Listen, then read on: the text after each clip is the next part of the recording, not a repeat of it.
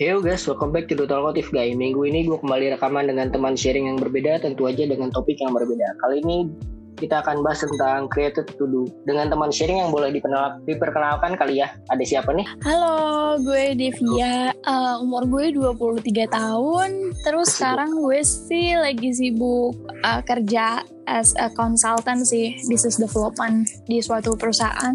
Oh gitu, oke menarik. Nah sebelum kita ngobrol lebih lanjut, gue pengen jelasin dulu bahwa ini kita masih dalam rangka himbauan pemerintah ya untuk kerja dari rumah, hmm. untuk stay at home kalau misalnya yang bisa gitu. Jadi ini kita rekamannya online pakai aplikasi Anchor secara online. Ini gue juga baru tahu nih Dev, kalau bisa kan bisa. Iya. Iya gue juga kaget, oh bisa ya. Dan ternyata si Anchornya ini fun fact aja dia ngeluarin online aplikasi bisa online kayak gini karena emang dampak corona ini dia iya, ngeluarin iya, fitur iya. baru gitu. Jadi emang ya ada sedikit fast respon lah ya. Mm bener dia ngeliat marketnya mungkin lagi gede kali ya podcast. Jadi bisa sampai berempat nih sebenarnya Dev. Bisa sampai berempat oh gitu. maksimal berempat. Mm ya gitu. Dan suaranya pun lebih jernih daripada kalau misalnya gue pernah nyoba juga conference call kayak gini lewat WA atau lewat mana kan kelihatan suara telepon ya. Mm kayak gitu. Nah kalau ini enggak halus. Benar-benar dari aplikasi lah iya berarti problem solving banget. Nah keren. Benar. Nah kalau nah sebelumnya karena tadi kita sempat bahas tentang corona gue pengen tahu dulu nih kan dengan ada covid-19 ini kerjaan lo di startup tuh ngaruh gak sih Dev? Mungkin ngaruh. gimana? Ngaruh banget sih ngaruh banget dalam banyak aspek. Ya pertama kita semua employee-nya jadi WFH karena okay. emang itu kita ngikutin kebijakan pemerintah terus juga otomatis semua apa namanya hmm, plan terus juga target semuanya jadi molor karena ya kondisinya kayak gini kan uh -uh. nah tapi justru uh, kita sih dengan kondisi kayak gini tetap harus tetap harus ngebut, tetap harus kayak opportunity-nya di mana nih? Oke, okay, yang ABC uh, eh, kita ke pending, tapi sisanya kita tetap harus bisa maju dengan lihat opportunity yang ada, terus juga fast response sama kondisi kayak sekarang kayak gimana gitu. Oke, kalau misalkan di kantor lo itu udah WFH dari kapan nih? Dari kapan dan sampai kapan? Dari uh, dua minggu yang lalu dari dua okay. minggu yang lalu sampai belum tahu nih sampai kapan. Berarti masih berjalan ya? Maksudnya minggu ini masih disuruh hmm. WFH juga? Iya masih WFH. Belum oh. ada belum ada pemberitahuan kapan masuknya lagi bahkan.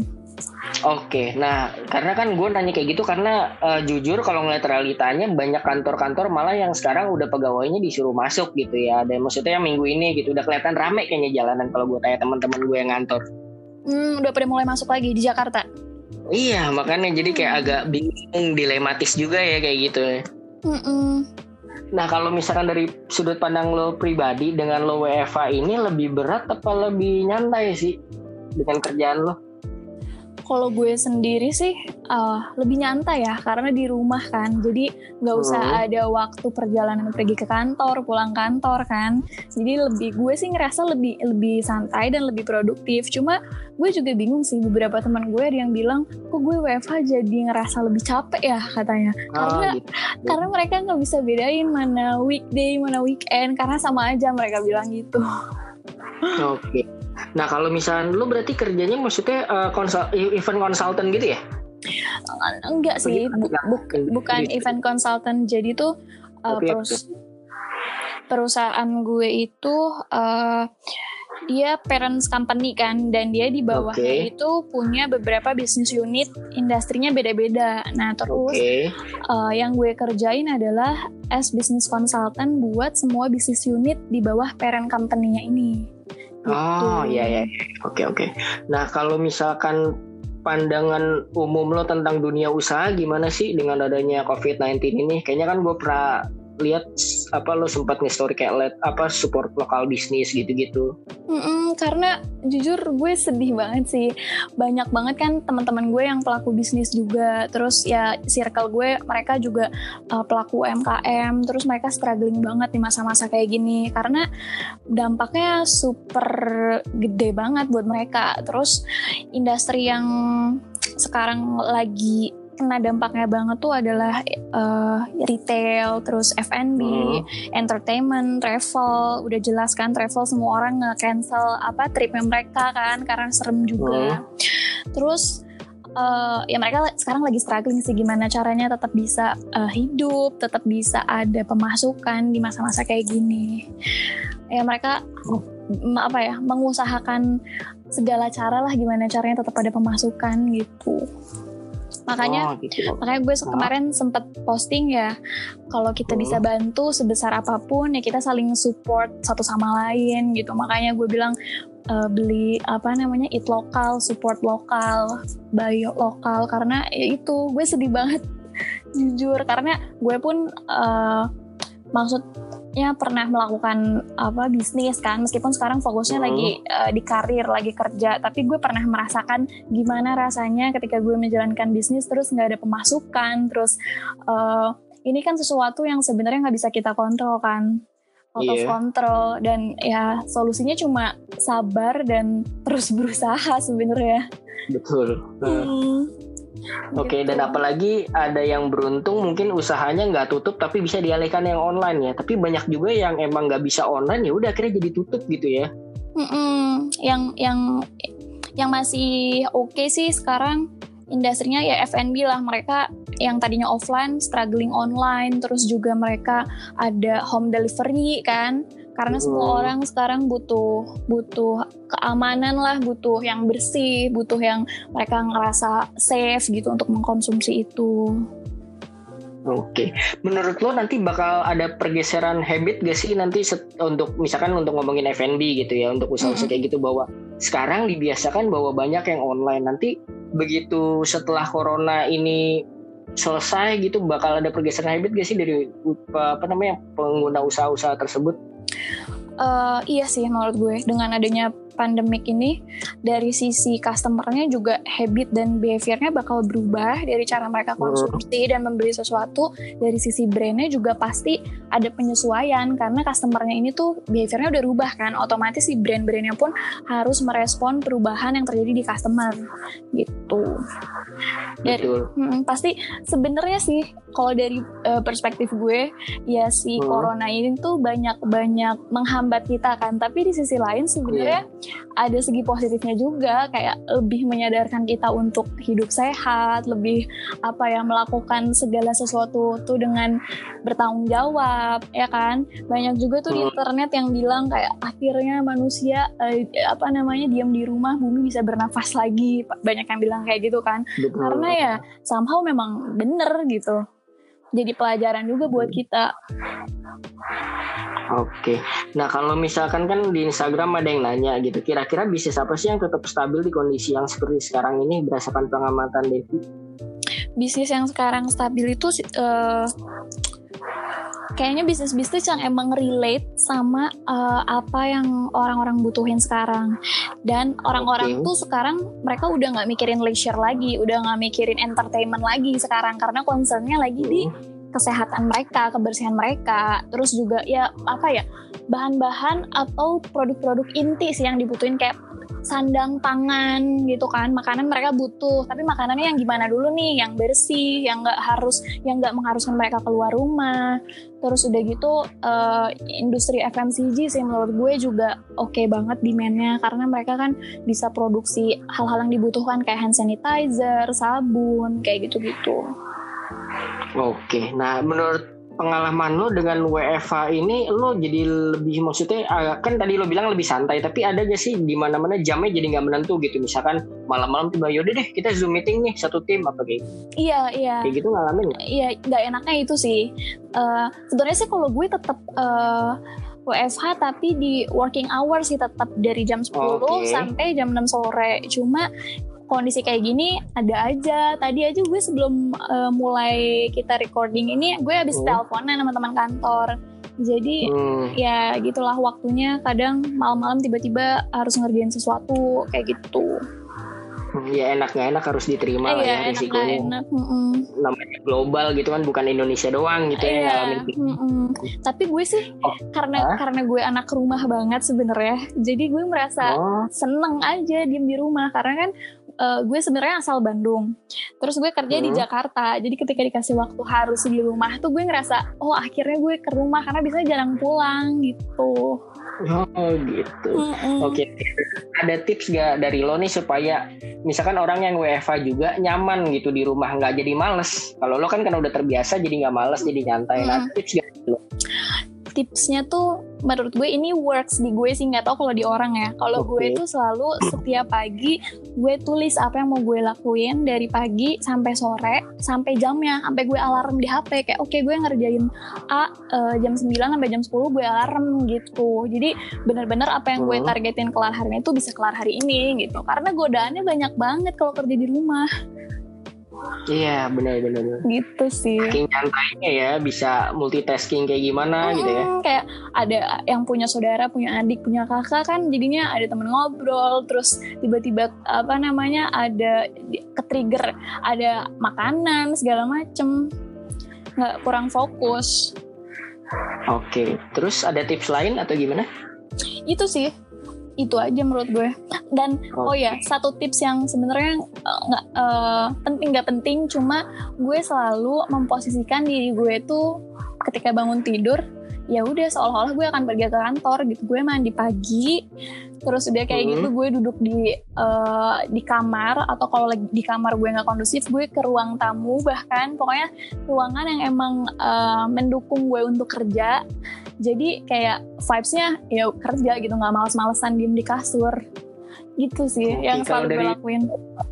Pakaian dari pakaian juga seolah-olah mau ngantor apa pakaian nyantai iya seolah-olah mau ngantor Ah gitu. Karena, itu penting juga ngebangun mood ya. Hmm, ngebangun mood penting banget. Nah teman-teman gue tuh yang katanya pada males, kebanyakan ya gitu. Jadi bangun tidur, uh, hal yang hal pertama yang dilakukan langsung buka laptop, langsung kerja. Tapi mereka belum mandi gitu. Dan di atas kasur ya gimana gimana mau semangat kan?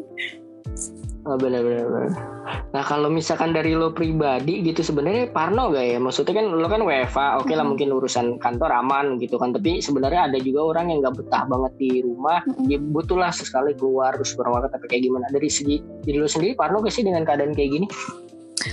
Gue Parno sih, takut banget uh, dan kayaknya emang semua orang merasakan deh di masa-masa kayak hmm. gini kayak nggak sakit tenggorokan dikit langsung kayak nggak enak hati gue kena gak ya? Gitu kan. Jadi uh, parano pasti cuma gue mengatasinya dengan kayak gue yakin gue suggest diri gue gue udah berusaha hidup sehat gue udah berusaha uh, menjaga diri gue kayak untuk self quarantine di rumah aja terus juga nggak berinteraksi sama orang-orang luar atau keramaian. Jadi ya suggest juga penting sih karena biar nggak stres juga kan Oke oke menarik. Nah kita kan udah selesai ngomongin COVID-19 ini berhubungan dengan kesibukan dan pekerjaan lo. Nah sekarang mungkin masuk ke background pendidikan mm-hmm. lo. Gue pengen tahu pada saat zaman SMA dulu gitu, lo termasuk IPA anak IPA IPS, mm-hmm. terus termasuk anak yang ngejar nilai banget apa sebenarnya SMA masa-masa indah yang nyantai, main apa kayak gimana gitu? SMA um, SMA itu gue anak IPA terus hmm. tapi sebenarnya gue nggak into IPA banget anaknya tapi waktu zaman oh, SMA gitu. tuh kan ya masih anak-anak lah pasti mikirnya tuh kayak kayaknya anak IPA tuh mindsetnya anak pinter anak IPS tuh anak main gitu gak sih lo gitu gak sih uh, banyak yang iya gitu. nah jadi gue mikir kayak ya teman-teman gue masuk IPA masa gue nggak bisa masuk IPA gitu? Ya udah akhirnya gue masuk IPA tapi ya, ya bisa ngikutin untungnya. Cuma waktu SMA itu uh, eh, SMA gue di Bandung. Dan SMA hmm. gue itu waktu itu terkenal sama eventnya. Jadi zaman uh, zaman okay. SMA gue tuh seru banget karena hmm, belajar banget enggak? Karena uh, ada program ya itu harus bikin event. Jadi gue tuh kesibukan waktu SMA ya bikin event selama SMA jadi nggak belajar banget sih anaknya gitu. Oke. Nah kalau misalkan berarti masuk IPA-nya itu emang pengen ngejar maksudnya ngikutin kayak tadi anggapan banyak orang bahwa ya udah IPA aja deh biar lebih enak gitu bisa ke mana-mana dan nilainya juga emang lo ngejar banget kalau di IPA apa gimana? Ada faktor itu sih pas mungkin. mau masuk ya pas mau masuk ada faktor itu uh, lima puluh persen lima puluh persen melihat kayak temen-temen gue masuk IPA masa gue nggak bisa karena karakter gue itu salah satunya gue selalu nge-challenge diri gue sendiri dan gue ngerasa kalau orang lain bisa masa gue nggak bisa gitu kan itu 50% itu 50% hmm. lagi uh, waktu itu gue masih bingung nanti kuliah gue mau ke mana. Dan ya bener yang lo bilang kayaknya kalau gue masuk IPA pilihan gue uh, banyak deh. Terus juga gue pengen masuk ITB waktu itu. Jadi gue milih IPA hmm gitu. Oke tapi kalau dari segi orang tua nggak maksudnya nggak bebasin aja ya mau IPA IPS gitu. Hmm, orang tua gue sih ngebebasin. Terus orang tua gue kan udah tahu nih gue orangnya kayak gimana. Bahkan mereka tuh nggak nggak pernah sekalipun ngepush gue kayak lo harus ke sini, lo harus pilih ini nggak pernah. Terus waktu gue pilih IPA, bahkan orang tua gue nanya yakin mau IPA emang ntar mau kuliah mau ngambil apa? Mereka bahkan mempertanyakan itu gitu. Oh, oke. Okay. terus gue bilang iya gue yakin. Oh gitu. Dan ya udah ya udah yang penting kamu tanggung jawab gitu yakin dengan pilihan hmm, kamu gitu ya. karena gue masuk IPA gitu. nah kalau misalnya tadi kan udah cerita masa SMA hmm. nah kalau misalkan cerita dari SMA sampai lo pilih jurusan kuliah yang apa yang itu dan kampus yang itu tuh karena apa tuh pertimbangannya dan proses ceritanya gimana tuh? Jadi tuh uh, selama apa namanya SMA gue kan masih belum tahu nih gue bakal ke mana, gue bakal ambil apa. Tapi hmm. uh, waktu itu gue seenggaknya sih udah tahu interest gue tuh di mana gitu, gue mau ngambil apa. Gue waktu itu mikir hmm, gue pengen masuk ITB sih, tapi gue nggak mau ngambil uh, yang eksak-eksak yang ada hitungan karena gue nggak suka hitungan uh, terus ya satu-satunya jurusan di ITB yang nggak ada hitungan nggak satu-satunya sih ada ada FSRD seni sama ada sekolah bisnis kan. Gitu berarti antara dua itu. Nah terus gue tuh nggak suka uh, orangnya nggak nggak terlalu nyeni lah nggak nggak terlalu apa namanya nggak terlalu suka hal-hal yang kayak ya gue nggak jago seni juga by the way. Jadi uh, udah udah jelas FSRD gue nggak nggak pilih kan. Nah terus bicara soal bisnis sebenarnya interest gue udah di bisnis. Kenapa? Karena uh, inner inner circle gue keluarga gue tuh banyak yang uh, di bisnis juga gitu. Banyak yang punya bisnis. Jadi support system gue udah ke bisnis banget sebenarnya dari gue kecil. Dan dari gue kecil pun gue udah seneng banget jualan jualan makanan danus danus tuh gue seneng banget. Jadi gue ada interest di sana. Terus ya ya udah ada sekolah bisnis juga di ITB ya udah akhirnya gue masuk ke sekolah bisnis karena itu sih karena faktor circle gue yang udah bisnis banget gue emang interest di bisnis juga begitu Oke, selama berarti SBM ITB ya? Iya. Ya, jurusan. Mm -mm, iya, Oke, nah, itu apa namanya kan du, jujur dulu gue mengimpi-impikan masuk ke situ cuman ya mimpi hanyalah mimpi gitu kan. Kalau nilai dan kemampuan tidak mencukupi gitu kan. Nah gue pengen tahu selama lo kuliah di SBM ITB gitu kompetitif banget gak sih perkuliahan dan mahasiswa mahasiswanya banget sih. Banget banget. Kan ada orang bilang katanya masuk ITB susah masuk susah keluar ah bener ah. dan itu bener gitu. Gue waktu masuk uh, eh, SBM kan uh, baru baru awal kenalan kenalan gitu kan. Masih nggak tahu nih orang dari uh, daerah mana jauh-jauh gitu kan. Terus uh, awal-awal masuk kayak wah gila nih anak semuanya pinter-pinter banget gitu. Kayak gimana caranya gue uh, harus uh, apa namanya bersaing sama mereka gitu semuanya pinter semuanya ambis gue jadi jiper sendiri awalnya tapi ya lama-lama uh. udah menyesuaikan diri ya emang apa namanya apa ya uh, environmentnya ya mendukung terus juga ya jadinya ya seru sih seru Oke. Mm -mm. Nah kalau misalkan dari diri lo selama kuliah di SBM ITB gitu, gue pengen tahu yang lebih ngefek ke diri lo itu di sana adalah ilmunya atau koneksi-koneksi link anak-anaknya gitu? Dua-duanya sih. Dua-duanya. Hmm, jadi tuh uh, selama gue kuliah, gue di SBM ngambil jurusannya entrepreneurship kan. Jadi okay. uh, selama kuliah itu proses belajarnya learning by doing. Jadi jarang banget gue uh, kayak nulis materi, dengerin dosen ngomong di kelas tuh jarang banget. Justru lebih banyak kita yang aktif sendiri gitu, lebih banyak kita yang keluar uh, terus belajar di luar. Dan selama gue kuliah pun gue disuruh uh, apa namanya maintain bisnis sendiri. Jadi itu dari kuliah gue disuruh bikin bisnis terus gue maintain sendiri. Jadi selama perkuliahan pun uh, gue uh, apa namanya ngebahas bisnis gue sendiri gitu. Gue masuk kelas marketing ya gue uh, akan mempelajari marketing langsung di apply ke bisnis gue gitu. Begitupun teman-teman gue yang lain gitu. Mereka akan apply langsung materinya ke bisnis mereka masing-masing gitu.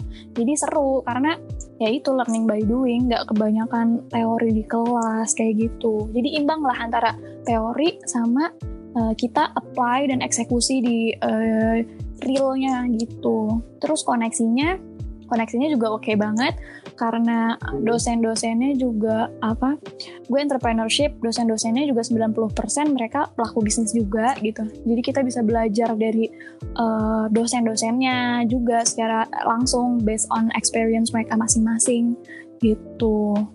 Terus juga ikatan alumninya cukup uh, cukup kuat juga. Jadi ketika kita ada butuh sesuatu tuh kita bisa uh, ya cari koneksi kita kakak kelas, adik kelas kayak gitu. Karena kalau di dunia bisnis sih uh, apa namanya networking tuh kalau lo nggak punya networking ya lo nggak bisa maju bisnis lo gitu. Oke. Nah, kalau misalkan lo lihat perbandingan menurut diri lo sendiri pas zaman SMA sama kuliah, perubahan apa yang terjadi dalam diri Devi nih? Kalau SMA tuh masih main-main banget ya. Gue belum mikirin kayak gue mau jadi apa, gue tahun sekian gue harus udah jadi apa, harus udah punya apa tuh nggak masih main-main banget lah. Nah waktu kuliah tuh udah mulai kayak oke okay, gue udah usia segini, gue mau ngapain nih? Habis ini gue harus apa? Gue udah mulai mikirin, udah mulai goal setting lah, udah udah mulai kayak okay. hmm, cita-cita gue mau jadi apa gitu. Lima tahun lagi gue mau jadi apa? 10 tahun lagi 10 tahun lagi gue harus jadi apa gitu. Udah mulai udah mulai mikirin hal-hal yang ke sana lah gitu. Perubahan. Oke, nah kalau misalkan uh -uh, gitu sih. Oke dan kalau misalkan dari segi sifat kekurangan kelebihannya Devi di umur yang sekarang ya apa? Dan gimana cara menghandle punya kekurangan gitu? Lo punya kekurangan? Kekurangan kelebihan. Hmm.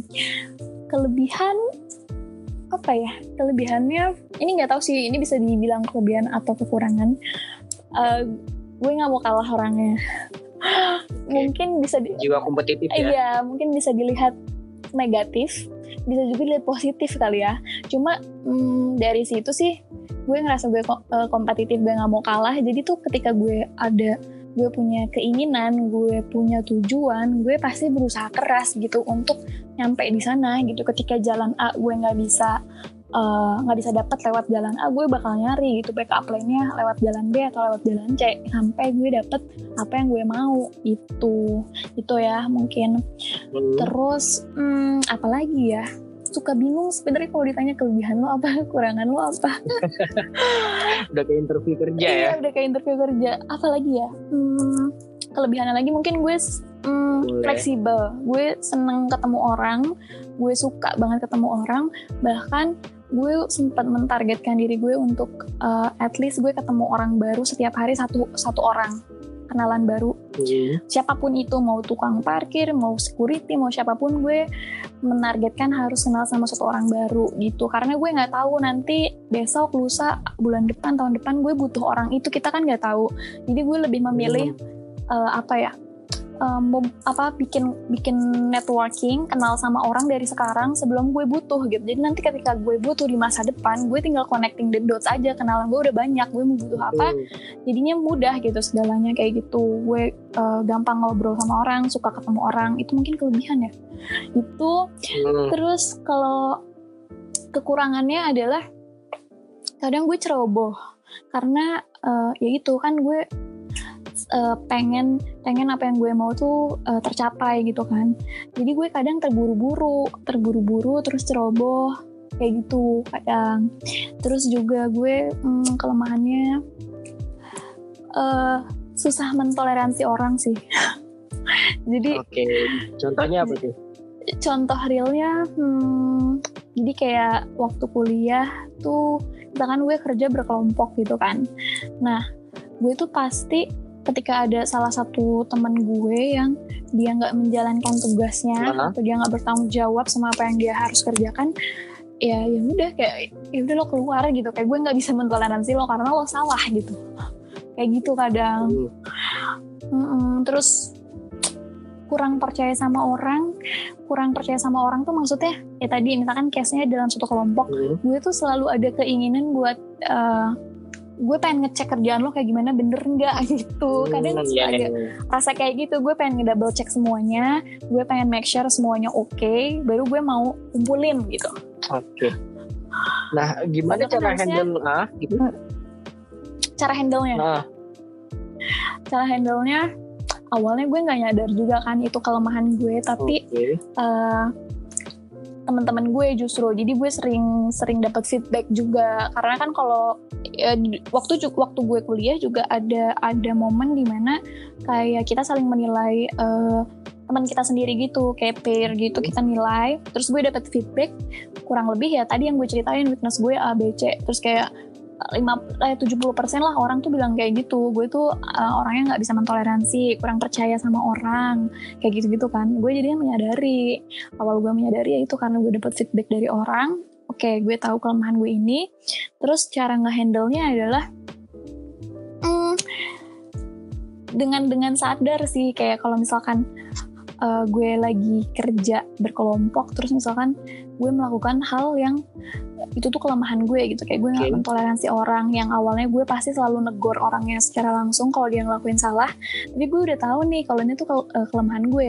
Gue dengan sadar kayak oke okay, gue tahu ini kelemahan gue gue jangan jangan jangan langsung marah jangan langsung tidak mentoleransi. Tapi coba kayak tanya dulu gue empati dulu kenapa lo kayak gini penyebabnya apa kayak gitu sih.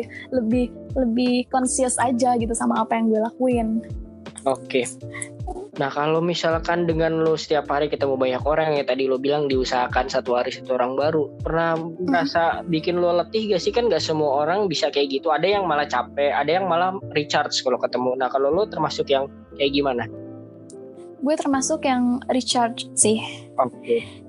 Jadi nggak pernah nggak pernah ngerasa capek. Justru gue ngerasa uh, apa gue ngerasa hampa bahkan kalau nggak ngobrol sama orang hmm. baru gitu. Jadi kayak karena ketika ketemu sama orang baru ya jadinya gue bisa belajar hal baru juga. Gue bisa belajar dari dia dari mana backgroundnya apa. Gue pasti ngambil sesuatu yang bisa gue ambil gitu ketika gue kenalan sama orang baru gitu. Hmm, tapi kalau lo kalau lagi me time atau lagi rehat gitu karena banyak pikiran ngapain sih Dev biasanya?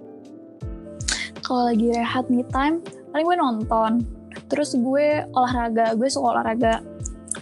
Itu sih paling hmm. kalau me time. Nah, lebih lo lebih suka justru kayak misalnya tadi nonton olahraga lebih suka keluar ketemu banyak orang kayak gitu apa justru dilakuin di rumah aja lah yang comfort zone lo kalau nonton gue kalau nonton sendiri ya lebih suka di rumah daripada harus nonton sendiri ke bioskop.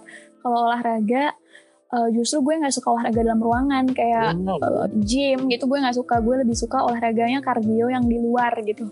Karena gue kerasa di dalam ruangan olahraga tuh bosen gitu. Gue ngelihatnya itu itu doang. Sedangkan kalau gue lari keluar nih misalkan gue lari di GBK kan banyak orang. Yeah. terus juga gue muter-muternya tuh ngelihatnya beda-beda gitu. Banyak yang bisa gue lihat Ah gitu. Berarti nanti hmm. siapa tahu kalau misalkan gue ada rencana bikin konten yang olahraga di GBK gitu, gue ada rencana bikin konten untuk YouTube, boleh lah ya? Boleh lah, boleh. Sehat sambil boleh, bermanfaat boleh. gitu kan jadi Iya. Mm Oke, nah kalau kalau misalkan gue pengen nanya dulu kalau apa yang buat lo bahagia sekarang, Dev, dan apa yang buat lo bahagia nantinya, achieve something apa gitu? Apa yang bikin gue bahagia? Kayaknya gue bisa membesarkan bisnis gue sendiri sih karena hmm. itu yang hmm. jadi mimpi gue juga yang jadi uh, apa ujung dari uh, goals yang gue setting tuh gue pengen punya bisnis di kreatif industry hmm. bisnis gue sendiri yang semua orang bisa tahu dan semua orang tuh pakai gitu hmm, oke okay, terus itu ya itu yang bisa bikin gue happy kayaknya sekarang kalau sekarang karena gue fokusnya masih di kerja hmm. jadi yang bisa gue lakuin adalah jadi sebenarnya tuh gue waktu kuliah kan udah punya bisnis. Yeah. Nah, terus gue sempat kayak uh, realize gue tuh maunya apa, gue mau ke mana, gue bikin uh, plan lah, gue bikin life plan. Uh, nah, gue tuh kalau ngomongin plan ya sekalian, yeah. Iya. uh, gue bikin life plan tuh uh, dari dari big picture ke lebih ke small picture gitu. Jadi big picture-nya gimana? Gue gue punya mimpi kan tadi. Gue bilang kayak gue pengen membesarkan bisnis gue sendiri. Gue pengen punya bisnis di kreatif industri gitu kan. Uh, mimpi gue adalah lima tahun dari sekarang tuh gue udah punya yang tadi udah sampai ke mimpi gue. Nah hmm. itu kan lima tahun. Nah dari lima tahun itu gue tarik. Uh, berarti uh, tahun keempat gue harus sudah apa tahun ketiga gue harus sudah apa tahun kedua harus apa dan sekarang presentnya gue harus ngapain gitu. Jadi gue tarik sampai sampai part kecil sampai daily activity weekly monthly yearly itu gue susun biar gimana caranya gue sampai ke mimpi gue gitu. Nah kalau sekarang yang bisa bikin gue seneng adalah ya perjalanan untuk bisa nyampe ke sana. Perjalanannya apa? Ya salah satunya gue kerja. Gue kerja di tempat yang gue rasa bisa ngasih benefit ke gue selain dalam bentuk karir petnya tapi juga personal developmentnya gue lihat uh, teman-teman gue eh, teman-teman kerja gue itu siapa teammates gue siapa kira-kira bisa ngasih personal development apa ke mimpi gue yang suatu saat tuh gue pengen jadi entrepreneur di creative industry gitu kan hmm. terus udah gitu uh, daily activity-nya lagi gue selalu meluangkan waktu gue untuk uh, research tentang uh, creative industry, tentang apa namanya culture di Indonesia sekarang gimana, yang relate sama creative industry, terus juga uh, nge-planning sih, mulai nge-planning dari sekarang, gitu. Yang bikin gue happy ya kayak gitu, hal-hal yang uh, uh, ngebantu hmm, okay. gue. Tapi lu dalam penentuan big sana, picture, gitu. small picture tadi termasuk emang yang nyiapin plan A, plan B, plan C atau gimana sih? Planningnya sebaiknya tuh berapa banyak sih kalau lo ya? Hmm, hmm kalau gue plannya sebanyak-banyaknya sih kayak misal itu tergantung sih oh, dan sebenarnya beda-beda sih. Ada orang yang mungkin ngesetnya tuh dari dari apa small picture-nya dulu baru ke big picture. Ada yang dari big picture terus uh, ke small picture. Kalau gue kan tadi dari big picture ke small picture. Nah uh, plan-plannya tuh sebanyak apa? Hmm. jadi uh, kan gue ngeset tadi daily monthly gitu kan. Nah gak gampangnya adalah misalkan gue ngeset monthly.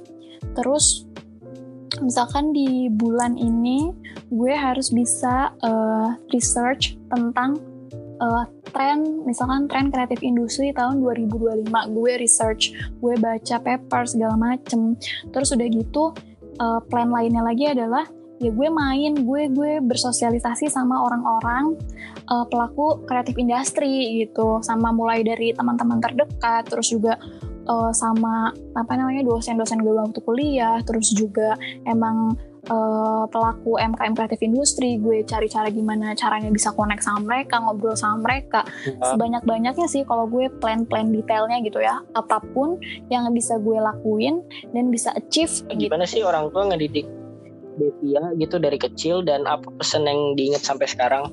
Uh, didikan orang tua gue keras banget mm -hmm. sih keras dalam uh, in a good way ya in a good way dan uh, kalau pesan mereka adalah lalu mm. nomor satu ibadah dulu sih nomor satu ibadah pasti terus yang kedua hmm, jangan pernah melakukan sesuatu tuh kepaksa gitu lo kalau mau ngelakuin sesuatu mm. apa yang lo kerjain lo kerjain pakai hati gitu mm.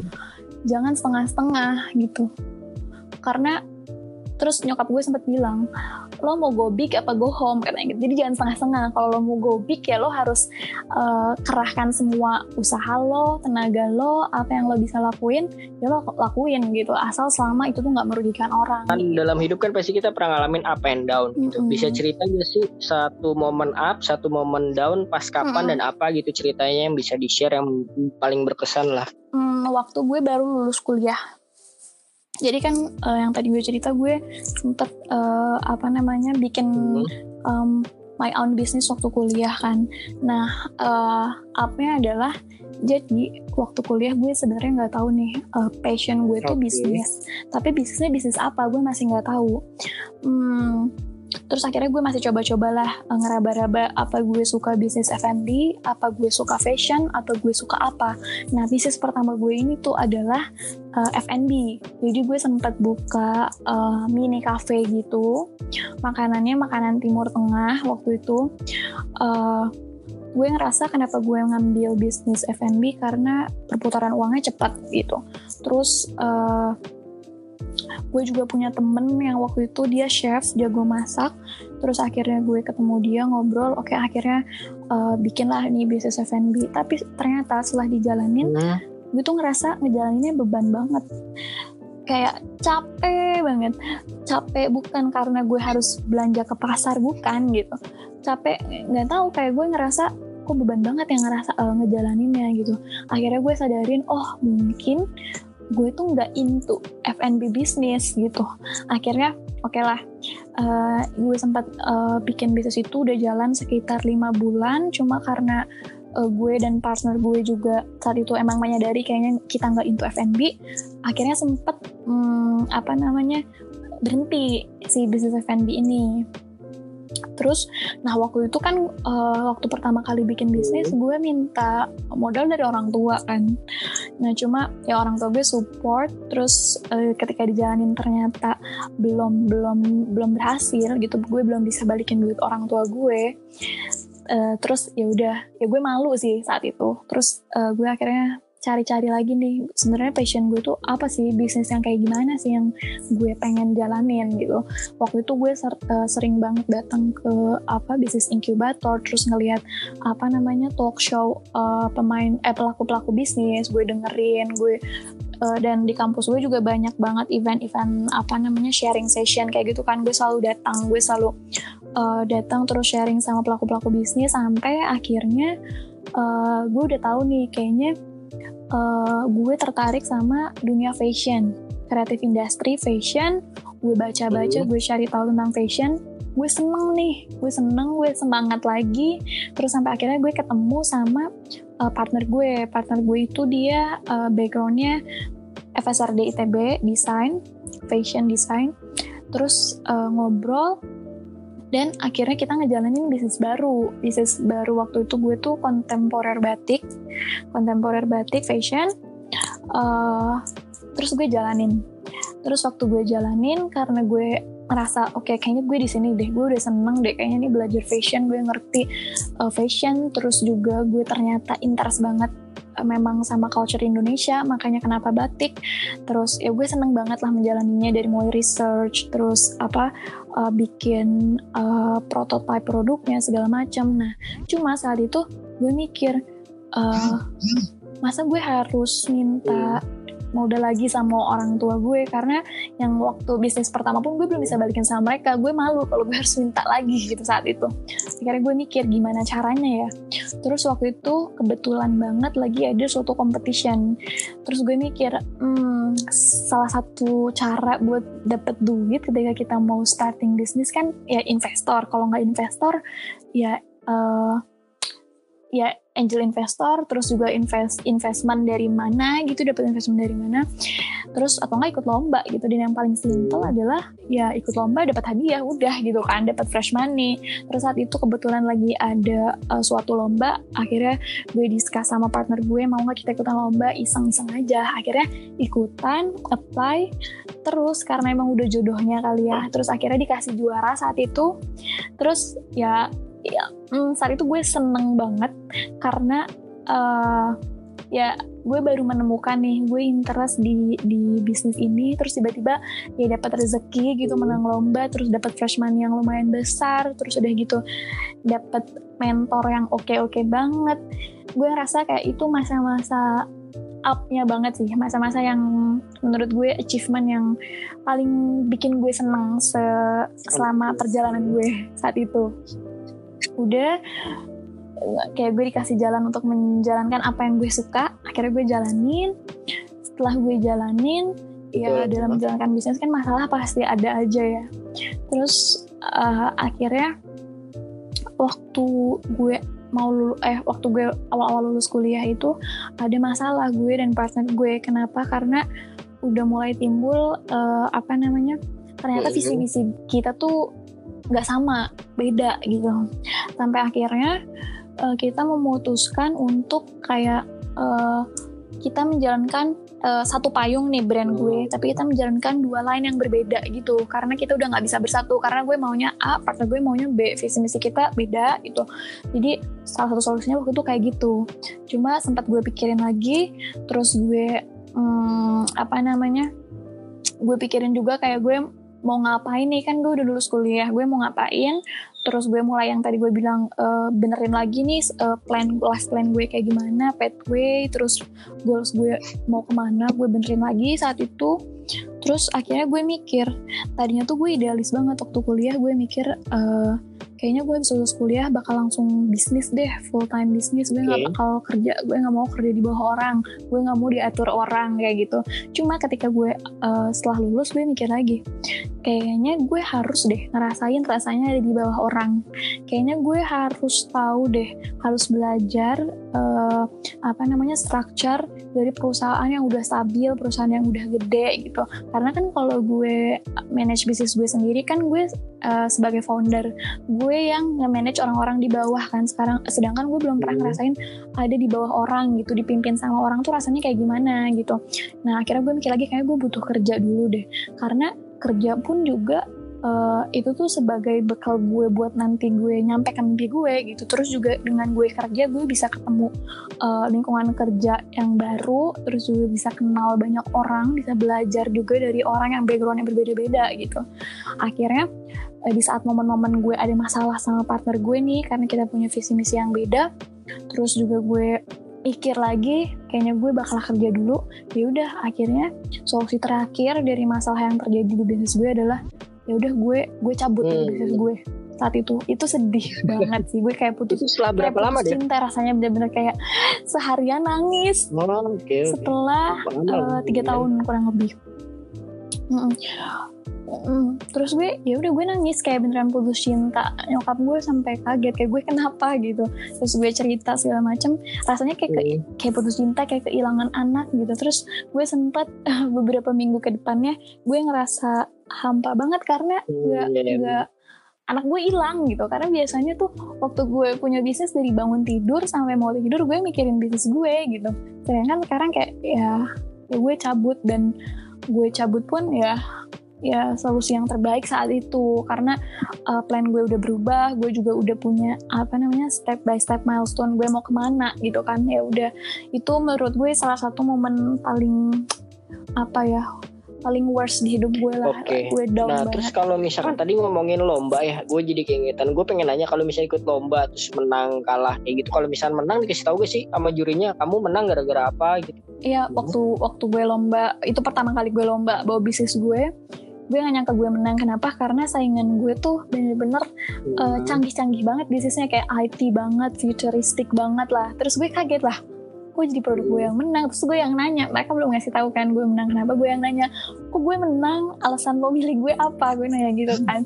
Terus uh, akhirnya dia bilang produk innovation di uh, dan mengangkat culture Indonesia yang itu dia bilang takutin lo apa deh dalam hidup? Yang paling ditakutin dalam hidup. Karena gue selalu uh, selalu pengen jadi apa yang gue mau dan gue hmm. tahu nih apa yang yang gue mau kan oh, ketakutannya gitu. adalah ya gue nggak bisa sampai sana sih. Ketakutannya. Cuma kan orang-orang selalu bilang kayak lo mimpi uh, eh, setinggi tingginya jadi kalau jatuh tuh ya hmm. ya nggak jauh-jauh dari sana gitu kan. Bahkan uh, meskipun nggak jauh-jauh dari mimpi gue gue bakal tetap takut sih. Gue takut gue nggak bisa nyampe sama hmm. uh, apa namanya sama mimpi gue gitu. Meskipun nggak beda jauh gue tetap bakal kecewa kayaknya kalau gue nggak bisa nyampe. Makanya gue selalu kayak berusaha keras. Woman empowerment versi lo apa? Dan penerapannya bisa dimulai dari apa sih sebenarnya buat cewek-cewek luar sana? Menurut gue woman empowerment tuh adalah uh, lo cewek lo bisa jadi apa yang lo mau lo uh, ya jangan takut itu untuk ngejar tujuan lo setinggi tingginya gitu. Karena ya sekarang kan gender equality juga semua orang udah udah udah tahu lah ya.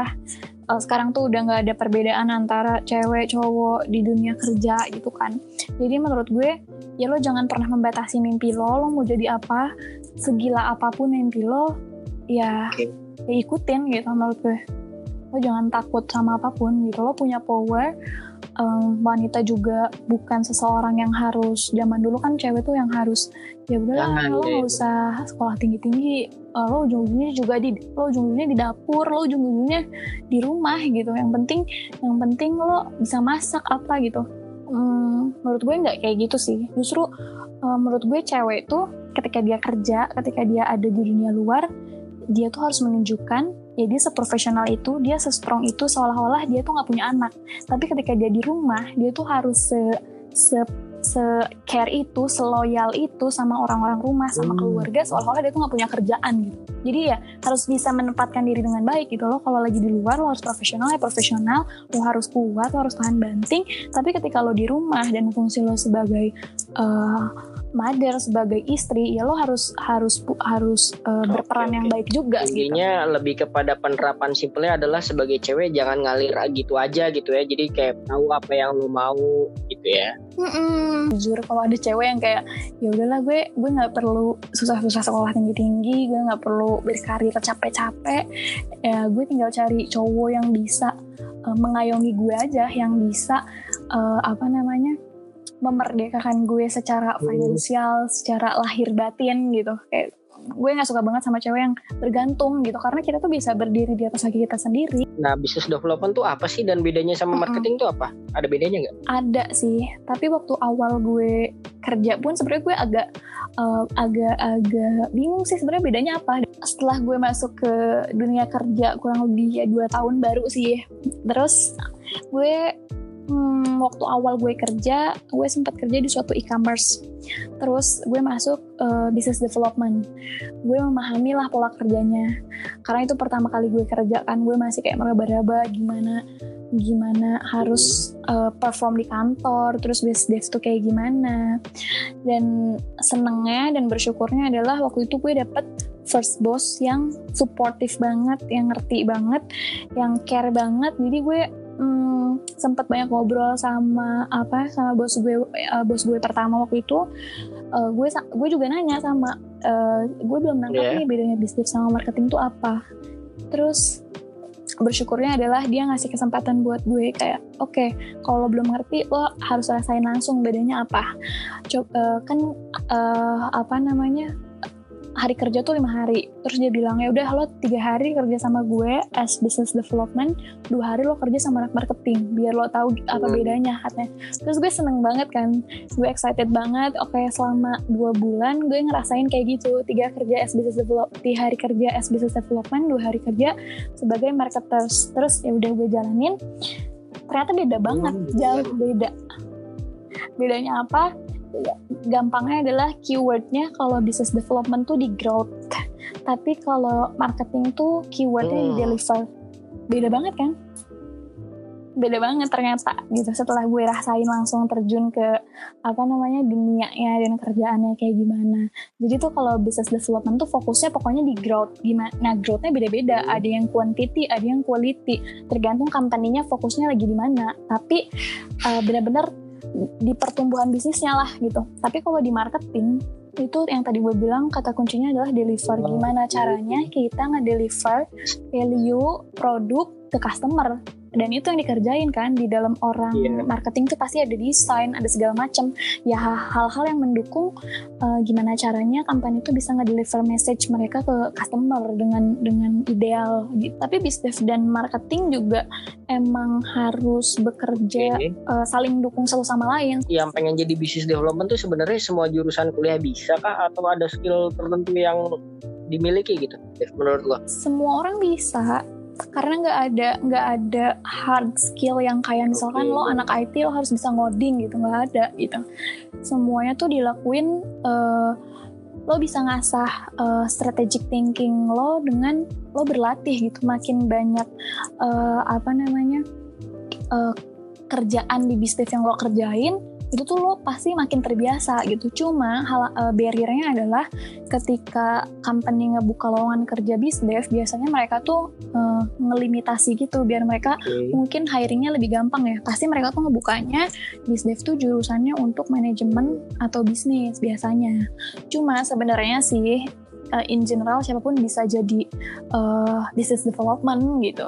Semua orang bisa. Business development suka dukanya apa nih? Dev? Suka dukanya jadi business development, hmm, terutama di kerjaan gue yeah. sekarang kan as consultant ya, as business consultant dari business unit yang banyak banget dan industrinya beda-beda. Jadi uh, apa suka suka Betul. dukanya adalah dukanya dulu deh ya.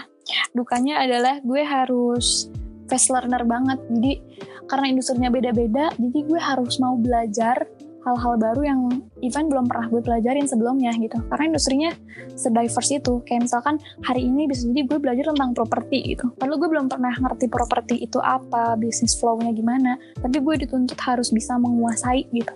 Bahkan menguasainya bukan cuma secara mikro tapi secara makronya juga gitu. Properti itu di dunia kayak gimana? Trennya tuh kayak gimana gitu. Jadi harus bisa belajar dengan ngebut banget lah gitu. Dan cepet itu iya, dukanya. iya, capek sih sebenarnya. Kalau lo nggak kalau lo nggak suka lo bakal capek banget. Tapi sukanya adalah ya karena gue suka banget nih karena gue suka banget uh, apa namanya uh, strategic thinking terus kayak mikirin uh, solution buat company growth company. Jadi gue ngerasa ngejalaninnya ya enjoy enjoy aja meskipun capek gitu. Ya gue suka gitu sukanya oke nah kalau gitu misalnya ada rekomendasi gak sih dari lo oh, untuk pengembangan diri sebagai karyawan gitu yang udah punya kerjaan tapi tetap pengen upgrade skill hard skill atau soft skill gitu? Ada rekomendasi buku bacaan atau apa tontonan atau gimana? Sesimpel okay. ngobrol sama orang sih menurut gue. Karena kan kalau udah kerja kadang ah, pergi ah. kerja pagi pulang malam udah capek duluan kan. Kayak kalau lo harus uh, belajar seformal kayak lo harus take course di mana belajar online gitu dengerin orang ngomong kan itu bakal melelahkan dan capek banget ya. Jadi menurut gue belajar atau personal development bisa dari mana aja sesimpel dari ngobrol sama orang. Karena gue yakin setiap orang tuh punya value-nya masing-masing setiap orang punya pengalamannya masing-masing kita bisa belajar dari orang sih dan lebih menyenangkan gitu. Loh lo ngerasa ngobrol sama orang kan bukan belajar ya lo ngerasa kayak ya enjoy aja gitu kan ngobrol sama orang. Jadi ya sesimpel ngobrol sama orang. Terus kalau lo mau agak serius dikit uh, gue sih suka ngambil kelas di Udemy. Gue suka ngambil kelas.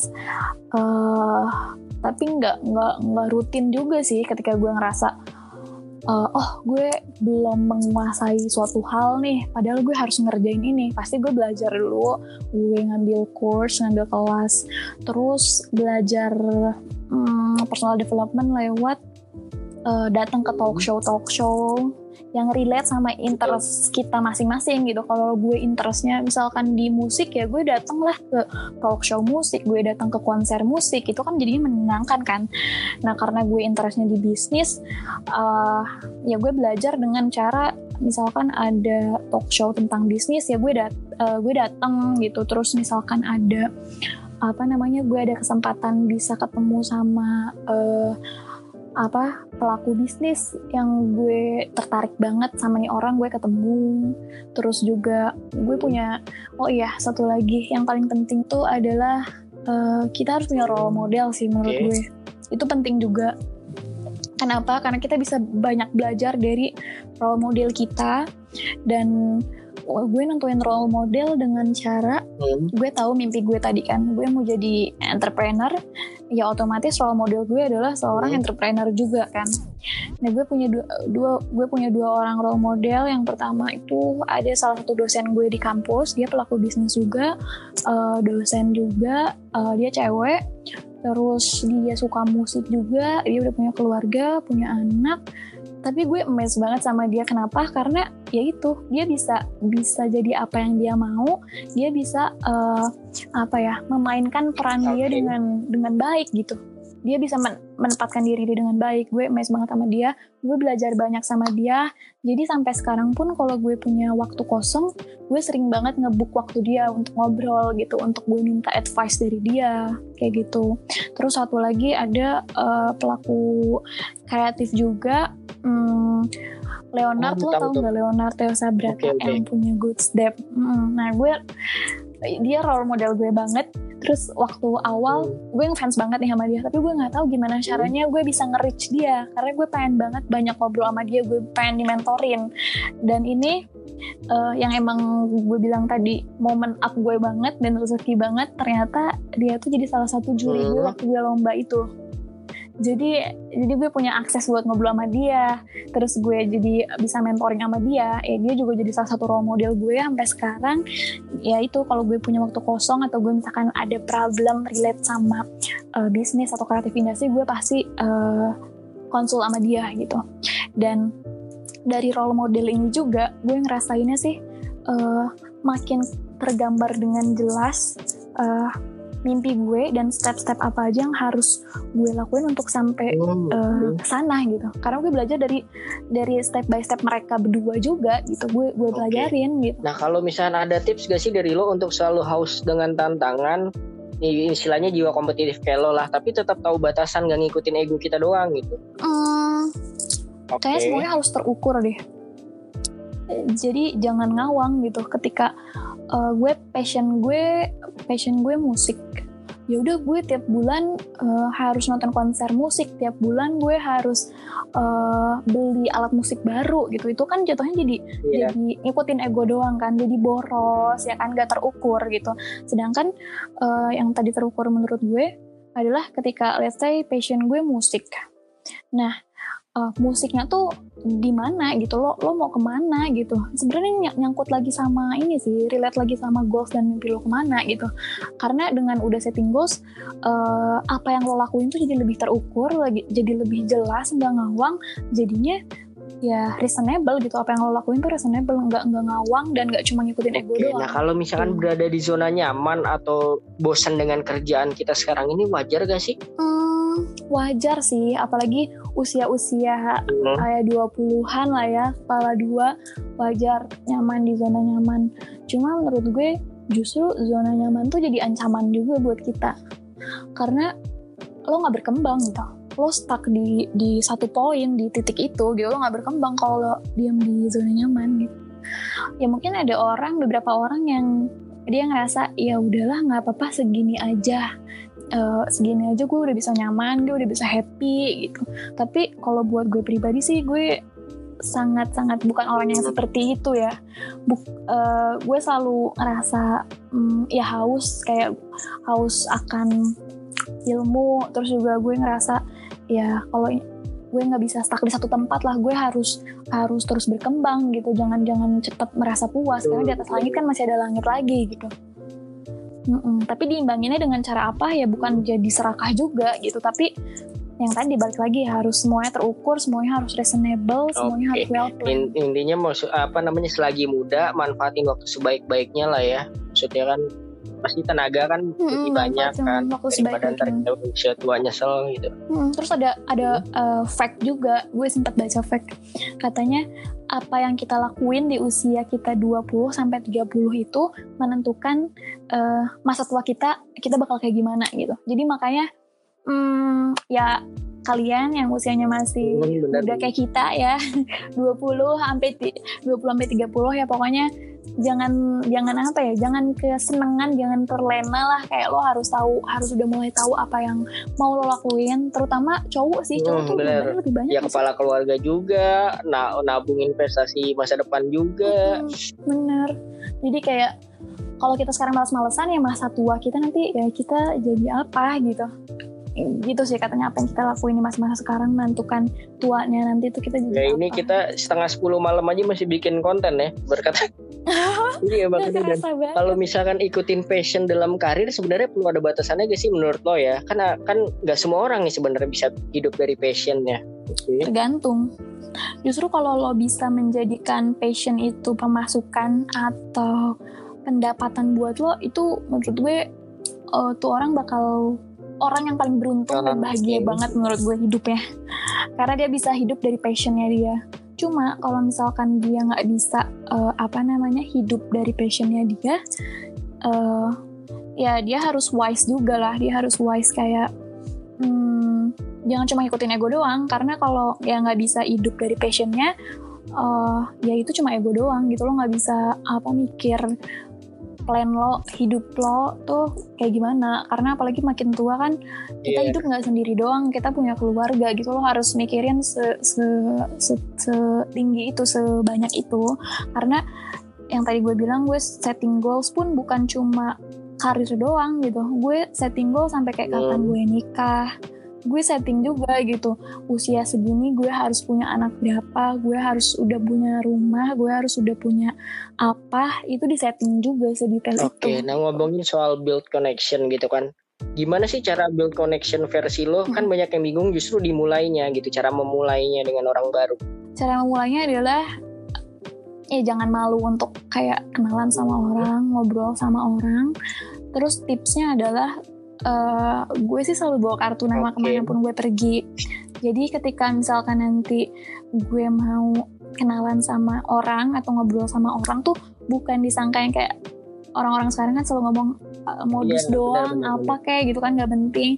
Uh, hmm, hmm, jadi ya ketika gue mau kenalan sama orang dan tujuan gue kenalan ya positif juga gitu ya gue ngasih kartu nama gue ada kontak gue siapa tahu kita bisa collab di suatu saat nanti kan kita nggak tahu dan dengan kartu nama ini sih gue rasa orang-orang pun juga mandang kita yang ngajak kenalan atau ngajak ngobrol tuh bukan bukan yeah. jadi annoying gitu loh justru ya jadinya kelihatan profesional lah ya seenggaknya dan menurut gue itu hal yang anak-anak muda, anak-anak millennials tuh masih masih kurang aware dan miss gitu loh. Padahal ya lo bikin kartu nama versi lo sendiri, nggak nggak harus nggak harus kartu nama uh, kartu nama kerja lo di company gitu. Lo bisa bikin kartu nama lo sendiri gitu. Atau lo nah, sebagai entrepreneur dia. punya bisnis apa lo bikin kartu nama lo sendiri. Karena menurut gue itu powerful banget gitu. Dan hmm, itu bekal yang bisa kita bawa ketika kita mau iya iya itu sih yang penting maksudnya kalau soal kartu nama nggak mesti yang corporate aja sih yang mesti kerja kantoran tapi yang buat personal mm-hmm. branding yang kayak misalkan mm-hmm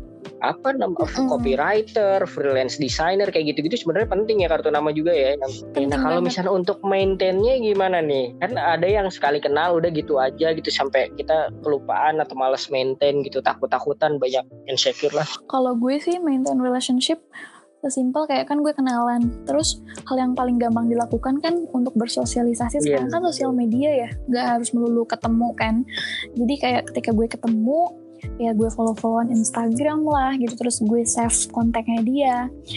Paling hal paling gampang sih kalau gue maintain relationship adalah uh, gue buka Instagram misalkan terus gue uh, ya sapa-sapaan biasa aja atau enggak saling reply story gitu. Intinya kayak tetap uh, keep connect gitu loh sama mereka jangan sampai lost banget. Oke, nah kalau misalkan ngomongin ke depannya gitu, pengen bisnis apa aja sih bidang apa aja nih kalau misalnya lo Dev dan kenapa? Bisnis uh, sebenarnya udah sempat gue mention tadi, gue pengen okay. di kreatif industri fashion dan relate sama culture Indonesia. Nah, kalau misalkan apa namanya, kalau ada yang nanya nih dari Instagram soal apa apa ada pikiran tertarik dengan agribisnis gak? Hmm, tertarik sama agribisnis ada sih ketertarikan ada. Cuma hmm, kayaknya gue uh, tidak tidak terlalu capable ya untuk menjalankan bisnis itu. Tapi ketertarikan ada. Kenapa? Karena sebenarnya potensinya agribisnis Indonesia tuh tinggi banget gitu. Kita pertaniannya kuat juga kan di Indonesia. Terus kayak hmm, apa ya? Ya pokoknya kita kaya lah akan tumbuh-tumbuhan itulah. Agribisnis tuh hmm. strong banget. Uh, gue tertarik cuma gue kayaknya nggak into itu deh. Gue tidak capable di sana cuma hmm, siapa yang tahu siapa tahu nanti uh, suatu saat gue bisa ketemu partner yang gue bisa support support di bisnis type-nya terus dia ngejalanin uh, agribisnis bisa tahu. Eh nggak ada yang tahu. Mungkin bisa jadi cuma nah, kalau gue sendiri sih untuk kayak start dari nol bikin agribisnis belum kepikiran sih. Karena gue nggak capable Nah kalau misalkan challenge-nya dari bisnis industri bisnis yang lo pengen tuh apa sih untuk sekarang ini challenge-nya? Challenge-nya untuk sekarang hmm, tren sih, apalagi dunia fashion ya. Karena uh, fashion tuh berubahnya cepet banget kan. Kita harus terus keeping up with the trends. Terus juga kita harus punya value yang kuat karena fashion tuh udah iya, banyak ya, banget kan, banyak banget itu pil pilihan lo mau beli baju lo masuk mall aja ada brand banyak banget kan. Nah gimana caranya kita tuh bisa jadi top of mindnya customer gitu. Ketika orang mikir oh gue mau beli baju uh, terus lebih spesifik lagi gue mau beli baju batik gimana caranya? Ketika mereka mau beli baju batik itu yang kepikiran adalah brand gue gitu bukan brand orang lain itu sih challenge nah, kalau misalnya jadi entrepreneur kan ya naik turun lah ya soal pemasukan brand segala macam nah kadang-kadang tuh suka kita jadi down sendiri gitu kan gimana caranya sih biar gak gampang mm. -hmm. down kayak gitu? Nah itu salah satu apa ya dukanya sih di entrepreneur juga sih. Karena ketika lo jadi entrepreneur lo punya bisnis lo sendiri uh, lo sendiri kan yang akan bawa bisnis ini tuh ke mana gitu perginya. Jadi lo harus pinter-pinter gimana caranya nyemangatin diri lo sendiri gitu. Bukan lo minta support dari orang gitu. Karena yang lo maintain bisnis lo sendiri lo harus harus bisa nyemangatin diri sendiri gitu. Caranya gimana? Kalau gue pribadi sih sering banget kayak gitu. Kayak aduh udah stuck nih. Misalkan kayak gue harus ngapain lagi? Belum ada growth lagi. Cara gue menyemangati atau memotivasi diri gue sendiri adalah ngobrol sama teman-teman pelaku bisnis juga gitu. Ngobrol sama yang punya spirit yang sama as entrepreneur gitu. Kayak gitu sih karena ketika gue demotivated terus gue ketemu teman-teman gue ini pelaku bisnis juga ngobrol sharing tentang bisnis segala macam semangat gue tuh jadi jadi naik lagi gitu. Oke, gitu nah kalau misalkan tips yang baru mulai usaha gimana nih? Kadang suka banyak overthink kayak takut kalah saing harga, barangnya udah pasaran kayak tadi baju. Gimana tuh tips Nah, jangan takut memulai sih. Okay. Jangan takut memulai menurut gue. Karena ketika kalau udah punya apa ya, punya niat, fondasi yang kuat, lo mulai aja dulu. Terus pasti support pasti ada, pasti ada dan pasti ada jalan sih menurut gue dan jangan serba ditakutin gitu. Justru lo harus harus nikmatin journey-nya. Dan yang paling penting adalah lo menjalani dengan ilmunya gitu. Jadi di, di koridor yang benar gitu. Karena kalau lo nggak pakai ilmunya ya lo buang-buang waktu dan tenaga. Tapi ketika lo uh, pakai ilmunya lo tahu frameworknya harus kayak gimana what to do ketika lo starting bisnis ya jadinya lo nggak buang-buang waktu dan tenaga. Dan lo bisa research juga gitu. Jadi lo ketika nanti lo launching produknya, ini produk tuh benar-benar dibutuhin sama customer gitu, bukan produk sia-sia yang lo buatnya capek-capek tapi ternyata nggak ada yang beli gitu. Jadi yang mulai aja dulu research yang benar, jangan takut, jangan overthink. Nah, nah aspek-aspek yang perlu dipersiapin tuh apa sih? Misalkan kayak misalkan modal, atau partner atau bisnis plan dulu sebenarnya apa sih yang lebih gampang untuk dimulai dari diri sendiri gitu? Pertama lo mau tahu dulu lo mau di industri okay. mana, udah tahu industrinya, hmm, lo mau produknya kayak gimana. Terus yang penting lagi uh, lo tes, lo tes market, lo bikin produknya, lo lo bikin prototipenya, lo tes ke market bener nggak sih market tuh butuh okay. ini gitu kalau kalau soal kayak bisnis plan segala macam itu sih teori ya. Jadi kayak lo bisa lo bisa buat uh, kapan pun gitu lo bisa itu sesuatu yang yang lo bisa buat dengan ya tulisan kan itu sebenarnya. Tapi yang paling penting adalah yaitu eksekusinya gitu. Lo mulainya lo riset dan ketika lo uh, awal mulai bisnis yang paling penting tuh adalah ya risetnya itu. Karena lo memvalidasi ide lo tuh beneran valid nggak di market? Beneran banyak orang yang butuh nggak? Dan ketika lo mau buat produk ini tuh nanti ada yang beli apa enggak gitu.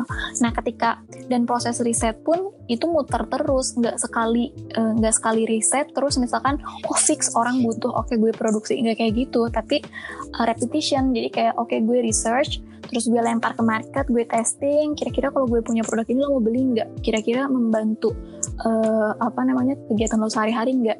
Terus misalkan customer di di market tuh bilang kayak uh, membantu sih tapi kurang ini. Oke okay, kita tarik lagi kita perbaiki lagi kita tes lagi. Sampai benar-benar produk yang kita bikin tuh uh, apa ya namanya bisa memecahkan masalah yang ada di di luar sana gitu dan dibutuhkan. Dan orang-orang tuh ketika kita produksi banyak ketika kita effort buat hmm. modalnya ya beneran ada yang beli gitu jadi kita nggak bakal rugi apa pun oke okay. kalau soal partner dan modal gitu untuk pengusaha pemula sebaiknya bahwa dia punya modal yang mampu dan dia punya kemampuan juga sebaiknya tuh maksudnya lebih kepada ya udahlah karena karena gue pemula gue mulai aja semuanya sendiri dengan modal gue sendiri atau sebenarnya partner dan modal dari orang tuh krusial juga deh tapi kalau di awal uh, ya butuh modal banget iya.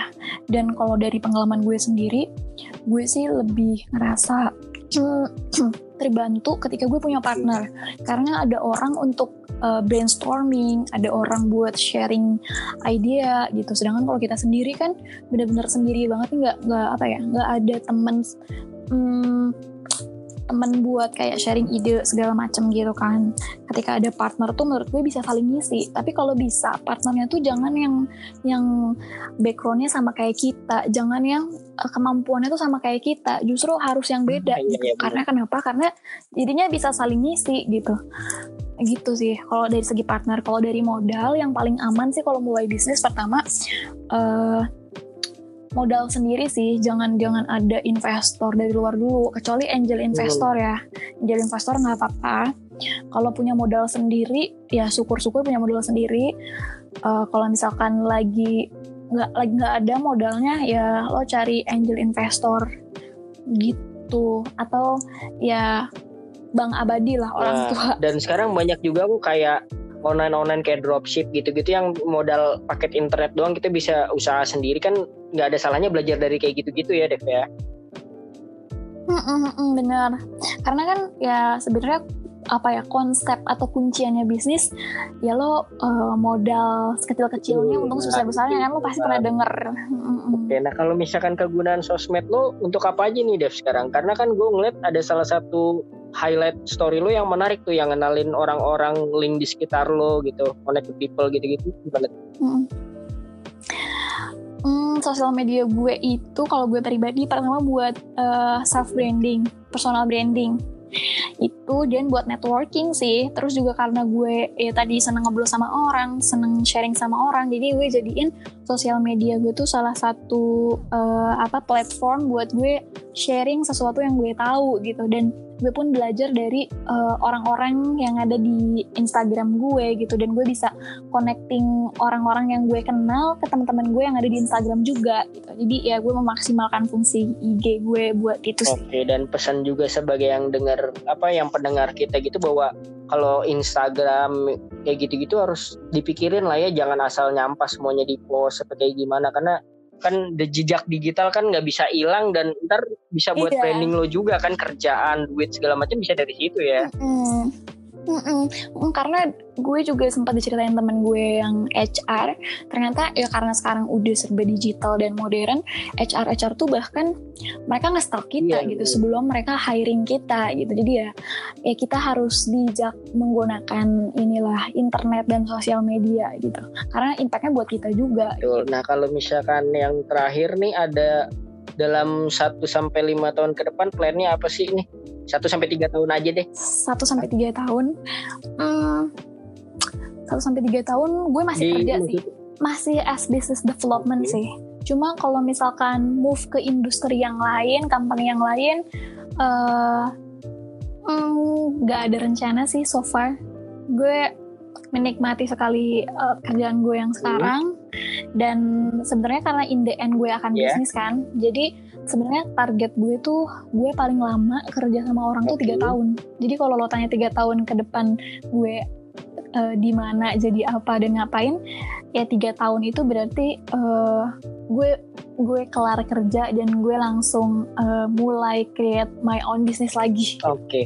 berarti di masa-masa baru memulai usaha lah ya kalau untuk tiga tahun ke depan itu. Mm -hmm. Oke, okay, nah kalau misalkan terakhir mm -hmm. nih ada gue gue jadi kepikiran kalau misalkan lo sebagai lulusan S1 bisnis dan punya pengalaman praktek bisnis gitu jatuh bangun segala macam S2 bisnis atau yang semacamnya perlu gak sih? Hmm, justru gue kalau gue pribadi ya gue ngerasa kalau gue sekolah bisnisnya MBA hmm. lagi Master of Business gue ngerasa agak buang-buang waktu ya. Kenapa? Karena sebenarnya apa yang dipelajarin sama aja jadinya ngulang. Mm-mm, jadinya ngulang. Gue lebih tertarik untuk ketika kita S1-nya bisnis, S2-nya tuh lebih mendalami uh, bisnis yang kita uh, interest di mana gitu. Uh, pengen ngambil S2 fashion gitu. Gue lebih lebih memilih kayak gitu sih daripada gue harus ngulang pelajaran S1 gue.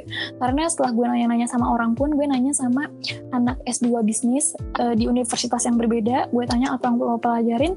Ya kurang lebih kurikulumnya sama gitu. Jadi akan buang-buang waktu menurut gue. Hmm. kalau S2 nya bisnis lagi Oke, nah tra, apa namanya ada yang mau ditanyain atau disampaikan lagi gak? Kalau nggak ada, promote Instagram Devi aja. Instagram aku @devia rizk. Jadi hmm. kalau kalau kalian interest untuk kita mau kenalan atau kita bisa sharing, follow aja, kita bisa ngobrol uh, lewat Instagram. Gitu karena menarik juga eh, bahwa apa ya itu tadi gue inget langsung keinget lo adalah begitu gue riset tentang lo adalah wah keren juga nih. Sampai di highlight story yang soal kayak ngenalin temen-temennya itu di Instagram. Jadi hal sesimpel itu gitu loh. Iya benar jadi kan kalau orang kenalin kenalin secara langsung biasa lah. Tapi kalau di Instagram atau di digital kan bisa long gitu kan. Bisa kapan aja iya. orang lihat. itu maksudnya gue salut dan wah ini diferensiasi brandingnya lo juga nih secara nggak langsung kan kalau gue kalau gue ngeliat. Jadi ada jadi bisa nimbulin ide ke yang lain juga siapa tahu banyak yeah. yang nular kan kita nggak ada yang tahu kan. Mm, mm, mm, bener. Karena awalnya pun gue banyak banyak teman-teman gue yang nanyain Dev lo kenal nggak sama yang bisa ini terus Dev lo tahu nggak orang yang di bidang ini siapa? Kayak banyak yang nanya-nanya kayak gitu. Terus gue pikir kayak ya ternyata orang-orang tuh butuh koneksi uh, se se se se urgent itu loh. Banyak orang-orang yang butuh koneksi. Terus kayak mereka nggak tahu harus ke mana gitu. Dan ya gue ngerasa karena gue senang ketemu orang kenapa enggak gitu? Gue kenalin orang-orang yang gue kenal juga. Jadi bisa connecting the dots gitu Oke ya semoga aja setelah corona beres segala macam ya kita bisa kolaborasi ketemu secara lagi. langsung ngobrol-ngobrol lagi dan kita saling kenalin ke teman-teman sharing gue yang lain gitu kan yeah. yang iya. seminar tapi gimana kita ada yang tahu kan nantinya mm-hmm. kan mm-hmm. oke okay, thank you nih Dev ya buat yeah. satu setengah jamnya nih thank you juga nggak kerasa banget benar Seru. benar semoga bermanfaat lah sharingnya dari Devi tadi gitu kan dan yang kurang-kurangnya yang gagal-gagalnya itu jadi pelajaran buat kita semua aja lah ya bahwa pasti gagal yeah. ngalamin juga. Wajar gitu ya. Yeah. yang penting bangkitnya bukan gagalnya ya. Mm-hmm, betul. Oke okay, thank you guys yeah. yang udah dengerin episode kali ini. Sampai ketemu minggu depan. Bye bye bye bye